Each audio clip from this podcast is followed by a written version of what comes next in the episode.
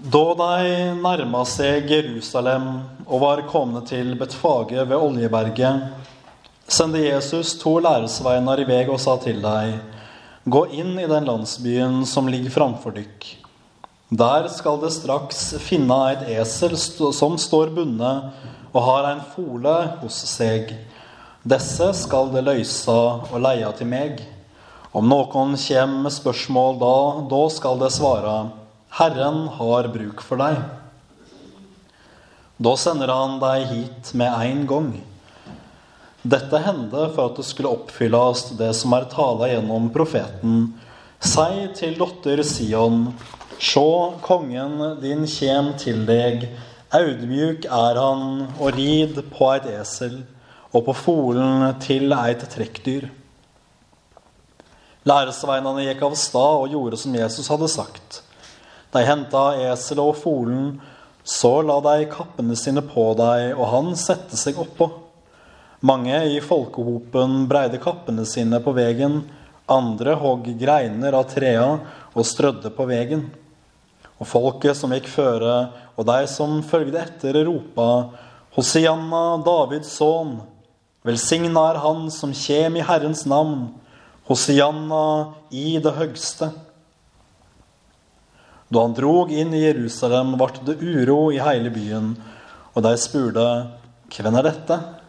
Og folkehopen svara, det er profeten Jesus fra Nasaret i Galilea. Slik lyder det hellige evangeliet. La oss alle be. Herre Jesus Kristus, Guds sønn, du som for vår skyld ble født som menneske, og som trer inn til oss som den ydmyke konge. Vi ber deg, gi oss den rette tro, slik at vi ser at du alene er vår kilde til salighet, trøst og evig liv. La oss alltid trøste oss ved din nåde, så vi flyr til deg, og der finner frelse og evig liv. Du som med din Fader og Den hellige ånd lever og råder, en sann Gud fra evighet og til evighet. Amen. Det er ikke um, uvesentlig på hvilken måte Jesus trer inn i Jerusalem. Han rir inn i byen som en konge. Han blir møtt av en stor folkemengde, og han lar seg hylle av de som er møtt frem. Det råder helt klart en bevissthet hos folk om at her skjer det noe stort. Ja, det er profeten Jesus fra Nasaret i Galilea som er på vei inn i byen. Og han er ingen hvem som helst. Dette forstår de og hyller han slik han skal hylles. Han som er Messias. Hosianna roper de og bekjenner at han som nå rir inn i byen, han kommer i Herrens navn. Men hvem er denne Messias, og hva er det han er kommet for å gjøre? Det profetord som ble oppfylt ved Jesu inntog, det var nok kjent for mange av de som var der. Men den forventning til Messias, hvem han var, hva han skulle gjøre, det stemte nok ikke så godt med virkeligheten som de gjerne skulle ønsket. Jødenes land var, som vi vet, okkupert av romerne. Og det var nok mange jøder som skulle sett at Messias, Herrens salvede konge, som nå kom, skulle være en frigjøringskonge. En kriger. Den frelsen de selv så at de trengte, det var en frelse fra en utenlandsk okkupasjonsmakt. Men Jesus er ingen krigerkonge. Og det ville han heller ikke være. Hadde han vært det, da ville han vel samlet seg en mektig hær. Bevæpnet sine disipler og de store folkemengder som gjerne fulgte ham og samlet seg om ham. Hadde Jesus egget til strid mot romerne, da er det egentlig ikke helt umulig at han til en viss grad, i alle fall i begynnelsen, ville kunne lykkes. Kanskje å velte dem eller jage dem ut av landet. Hadde Jesus vært en krigerkonge, da ville han vel ridd inn i stor stas på en hest. Men det gjorde han ikke. Han kommer ridende på et esel. Et dyr uten stolthet og ære. Det er liten prakt over et sånt dyr. Men nettopp dette, at han kommer på et esel, ligger en så stor rikdom og hemmelighet at vi knapt kan begynne å forstå det. For her viser Jesus oss nettopp hva slags konge han er og vil være. Det viser seg i profetordet til Jesaja at visst er han konge, han som kommer, men han kommer ikke i ære og prakt. Han kommer ydmyk, ridende på en eselfole. Slik skjer det fordi Jesus ikke skulle være en herskerkonge i denne verden. Men han kommer som en helt annerledes konge. En konge som vil herske i kjærlighet og ydmykhet. Og en konge som først og fremst vil herske over sjelene og ikke over legemet. Se, din konge kommer til deg. Ropet fra profeten lyder til oss også i dag. Fordi Jesu inntog i Jerusalem det bærer i seg en dypere betydning enn at Jesus faktisk fysisk rir inn i byen. Denne byen som på den dag i fryd og glede ropte Hosianna, men som siden skulle rope like høyt, i vrede med forvrengte ansikter, korsfest. Jesus dro inn for å fullføre det frelsesverk han var kommet for. Å dø for all verdens synder og stå opp igjen i herlighet. Og det som skjer nå, det er noe helt nytt. Og Det er dette Paulus taler om når han sier at natten snart er slutt, og dagen nærmer seg. For jeg tror det er vanskelig for oss å forstå det åndelige mørket som faktisk lå over verden. Visst fantes det rettferdige som trodde Gud, men evangeliets lys, det fantes ikke ennå. Verden lå i et stummende mørke. Og Gud Faders allmakt og kjærlighet, det var så lenge kjent i kun en liten del av verden. Men ved Jesu komme så skjer det noe helt nytt. Noe totalt annerledes. Her ser vi Jesu komme. Her ser vi den sol som rinner opp. Den sol hvor ved vi ser alt annet klart og tydelig. For Jesus, han er denne sol. Og det som skjer nå, det er at solen stiger for å bryte nattens mørke. Solen stiger for å bryte nattens mørke, redsel og ondskap. Tiden for eh, menneskets oppgjør, opprør mot Gud går mot sin slutt. Vi er som gjenstridige barn som kjenner vår fars vilje, men vi nekter tvert, og vi vil heller gjøre alt det som er imot Gud. Det ligger så dypt innsunket i vår natur helt fra syndefallet at vi heller følger vår egen vei og gjør det vi selv ønsker. Altså Hele vår Natur er synd, og i oss selv makter vi ingenting godt. Om vi så selv skulle forsøke å bedre oss for å blidgjøre Gud, ja, da ville det i seg selv vært synd. Med alle våre tanker, ord og gjerninger gjør vi kun Gud imot. Vi makter ingenting godt fra eller til. Men nå, når vår kjærlige Jesus trer inn, han som er rettferdighetens sol. Da bryter det fram en ny dag. En dag ingen har sett maken til, verken før eller siden. En dag som er så herlig og skjønn at selv morgenrøden fra den, før den er steget opp fullstendig, gjør alt klart og godt, og nattens redsler må flykte. Dette er den skjønneste dag vi kunne håpe på. Dette er evangeliets dag som Jesus har latt rinne opp. Dette er det nye som skjer når Jesus trer inn i Jerusalem, og også når han trer inn til oss, at evangeliet forkynnes. Og vi ser at dette er et budskap med en så stor sprengkraft at den brer om seg i hele verden. Også her i nord, i det som lang tid var sivilisasjonens utpost, fikk denne dag bryte fram. Syndens og mørkets natt går mot slutten, som Paulus sier. Er det nå på tide å våkne opp av søvnen? For nå er timen kommet. Det er nå det er nådens tid. Det er nå Gud er å finne når man søker Han. Eller kle oss i lysets rustning, slik Paulus ordlegger seg.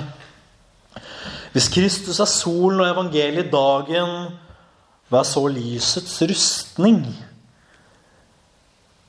Jo, det er troen. Denne troen som vi griper syndenes forlatelse med, og som gjør at vi står rettferdige for Gud. Ved troen kommer Kristus til oss, og her er vi i dybden av inntogets mysterium. Og vi kan kanskje begynne å bli i stand til å forstå og ane hva profeten mener når han sier 'Se, din konge kommer til deg'. At Kristus kommer til oss, er ikke uvesentlig. Det er faktisk av den aller største betydning. For kan vi komme til Jesus? Nei, ikke av vår egen kraft. I første rekke enser vi kanskje ikke engang at vi trenger å komme til ham. Vi ser på vårt liv, forstår eller tror ikke at vi er syndere. Vel står kanskje så og så i Guds ord. Men kanskje tenker vi at vi har vel utviklet oss bort fra slike gamle vrangforestillinger. Gud, han som er der oppe, han er vel som oss. Han kan vel også skifte mening, ta til fornuft. Gud har sikkert tatt til fornuft så han ikke lenger mener det han mente før. Eller kanskje tenker vi at Gud må jo helt klart være enig med oss, vi som er fornuftige mennesker. For en villfarelse det er. Hva gjør vi da annet enn å skape Gud i vårt eget bilde? Gjør vi dette, da blir jo ateistenes anklage sann. At Gud er et menneskepåfunn.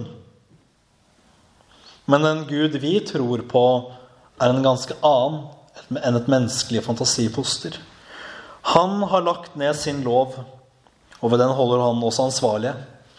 Holder vi ikke den, så går vi til grunne. Så enkelt er det. Men når vi da ser dette, og forstår at vi holder ikke Guds lov så godt som vi skulle, hva gjør vi da? Neste steg på veien blir kanskje å tenke at vi skal forsøke å hjelpe til selv med å bedre oss. Vel har vi mange synder, men om vi gjør mange nok gode gjerninger, så vil vel Gud sikkert ta oss til seg og la oss få det evige liv. Viser vi oss snille nok, da går det helt sikkert bra, tenker vi. Vi kunne ikke tatt mer feil. Både når vi ikke vil komme til Jesus, og når vi med vår egen flid og gode gjerninger forsøker å blidgjøre Gud, er vi ille ute. Hva skal man da gjøre? Hva står man igjen med? Vi ser altså her at å tro er det eneste vi kan gjøre. Troen er det eneste vi har å trøste oss til. Og grunnen til det, det er at troen det er den eneste gjerning vi kan gjøre som egentlig ikke er vår, men som er Guds. Og når vi tror, da søker vi ikke ved å bedre oss selv, men vi klamrer oss til Guds nåde i Jesus Kristus som vår eneste grunn og kilde til syndenes forlatelse. Dette er en evig trøst som bærer gjennom liv og død. At din konge kommer til deg i troen. Og han kommer ydmykt. Ikke for å herske med vold og makt, men med kjærlighet, nåde og sannhet. Ved det forkynte Guds ordet skapes troen, og ved dette ord kommer Jesus inn til deg. Tror du at dette gjelder deg? Det er jo det det står på. Mange tenker kanskje at Jesus er vel kommet for andre. For de flinke og for de fromme som fikser alt og får det til dette livet. Kanskje kunne det gjelde deg hvis du var så from som Peter eller Paulus eller andre hellige mennesker. Men slik må du for all del ikke tenke. Bibelen forteller oss at Jesus kom for alle mennesker. Han ga livet sitt for alle mennesker. Han sonet alle menneskers synder. Og Gud vil være nådig mot alle mennesker og forlate oss alle våre synder. Det betyr at det gjelder også deg. Når vi nå har snakket om troen og ordet, så passer det seg også ganske godt å prate om sakramentene. For også ved dem kommer Jesus til oss. I vår kirke holder vi oss til den gamle sannhet at det er frelse i dåpen, og at også små barn skal døpes. For Jesus bød oss døpe og lære alle, og også at de små barn ikke skulle holdes borte fra ham. Men dåp er dåp, og om et barn eller en udøpt voksen døpes, skjer det samme. Og vi kan si at Jesus kommer til oss ved dåpen med Den hellige ånd. Dåpen er også derfor en gjerning som vi gjør rent fysisk, vi mennesker, men som dypest sett ikke er noe vi gjør, men Gud. Det er Gud som er den handlende i dåpen. Selv om det er jeg som prest som øser vann, så er det Gud som døper gjennom prestens hånd. I dåpens vann blir man gjenfødt ved vann og ånd. Og man får der evig liv og syndenes forlatelse. Men vi forkynner selvsagt ikke dåp uten tro. For da vil det ikke gagne oss noe. Men når synden og djevelen anklager deg, forteller deg at du er en synder, du fortjener ingenting godt, du fortjener evig fortapelse og død Gud er vel ikke nådig mot en som deg? Da kan du spotte djevelen tilbake og si at du er døpt. Jeg er døpt. Du kan trøste deg ved at du er døpt, for det betyr at du tilhører Kristus. Og at du for hans skyld og hans alene har syndenes forlatelse og evig liv. Synd og djevel, død og fortapelse. Ingenting har noe du skal ha sagt mot deg når du minnes dette, at du er et døpt Guds barn. Dette har han selv gitt deg som en dyrebar gave. Og det kan være vel verdt å minne seg selv på dette at ved din dåp så hører du Jesus Kristus til. Du er hans. Han har frelst deg og kjøpt deg løs fra syndens slaveri. Vi er også nødt til å få med oss noen ord om Den hellige nattverd. Det er ikke uten grunn at vi i vår kirke har holdt dette sakrament så høyt, selv om det stort sett er dårlig stilt med bevisstheten rundt omkring om dette i dag. Men når vi har snakket om hvordan Jesus kommer til oss, så er det absolutt på sin plass å nevne dette. For her er det ingenting mindre enn Jesus Kristus sitt eget legeme og blod som rekkes deg i brødet og vinen. Her igjen er det Jesus som kommer til oss. Han gir oss seg selv uten at vi har gjort eller fortjent noe fra eller til, men kun fordi han er god og nådig mot oss. Nattverden er også den største gave Jesus har å gi oss. For her også finner vi syndenes forlatelse og evig liv ved at vi tror ordene som er sagt om hans gaver, gitt for deg og utøst for deg. Jeg skulle veldig gjerne snakk, sagt mer om dette her, men det er vel på tide å gå mot en avrunding etter hvert. Men til sist må vi merke oss At vi, det at vi må rydde vekk alle tanker om en verdighet til å ta imot dette. At vi må være fromme og flinke uten synd eller begjær. Vi må rydde vekk de tankene, for Jesus han rekker seg selv til oss i vin og brød. Og den som vil tro at dette er gitt for ham, om han så er verdens største synder, er velkommen fram. Noen ord til slutt om Jesu kongsmakt. For den kongen som kommer til oss i ydmykhet, han er en som kunne kommet, og en som skal komme, ganske annerledes. Dette er Herren, herskarenes Gud, Herren Sebaot, universets allmektige konge og hersker. Han kunne kommet i makt og herlighet og lagt alle sine fiender under seg med én gang. Men nettopp for å vise oss sin nåde og kjærlighet, for å vinne frelse og evig liv for oss, kom han i fornedrelse og ydmykhet. Samtidig retter vi blikket framover, mot Kristus som har lovet å komme igjen. Og når han da kommer, så blir det ikke som sist. Da skal Jesus komme med makt og herrevelde.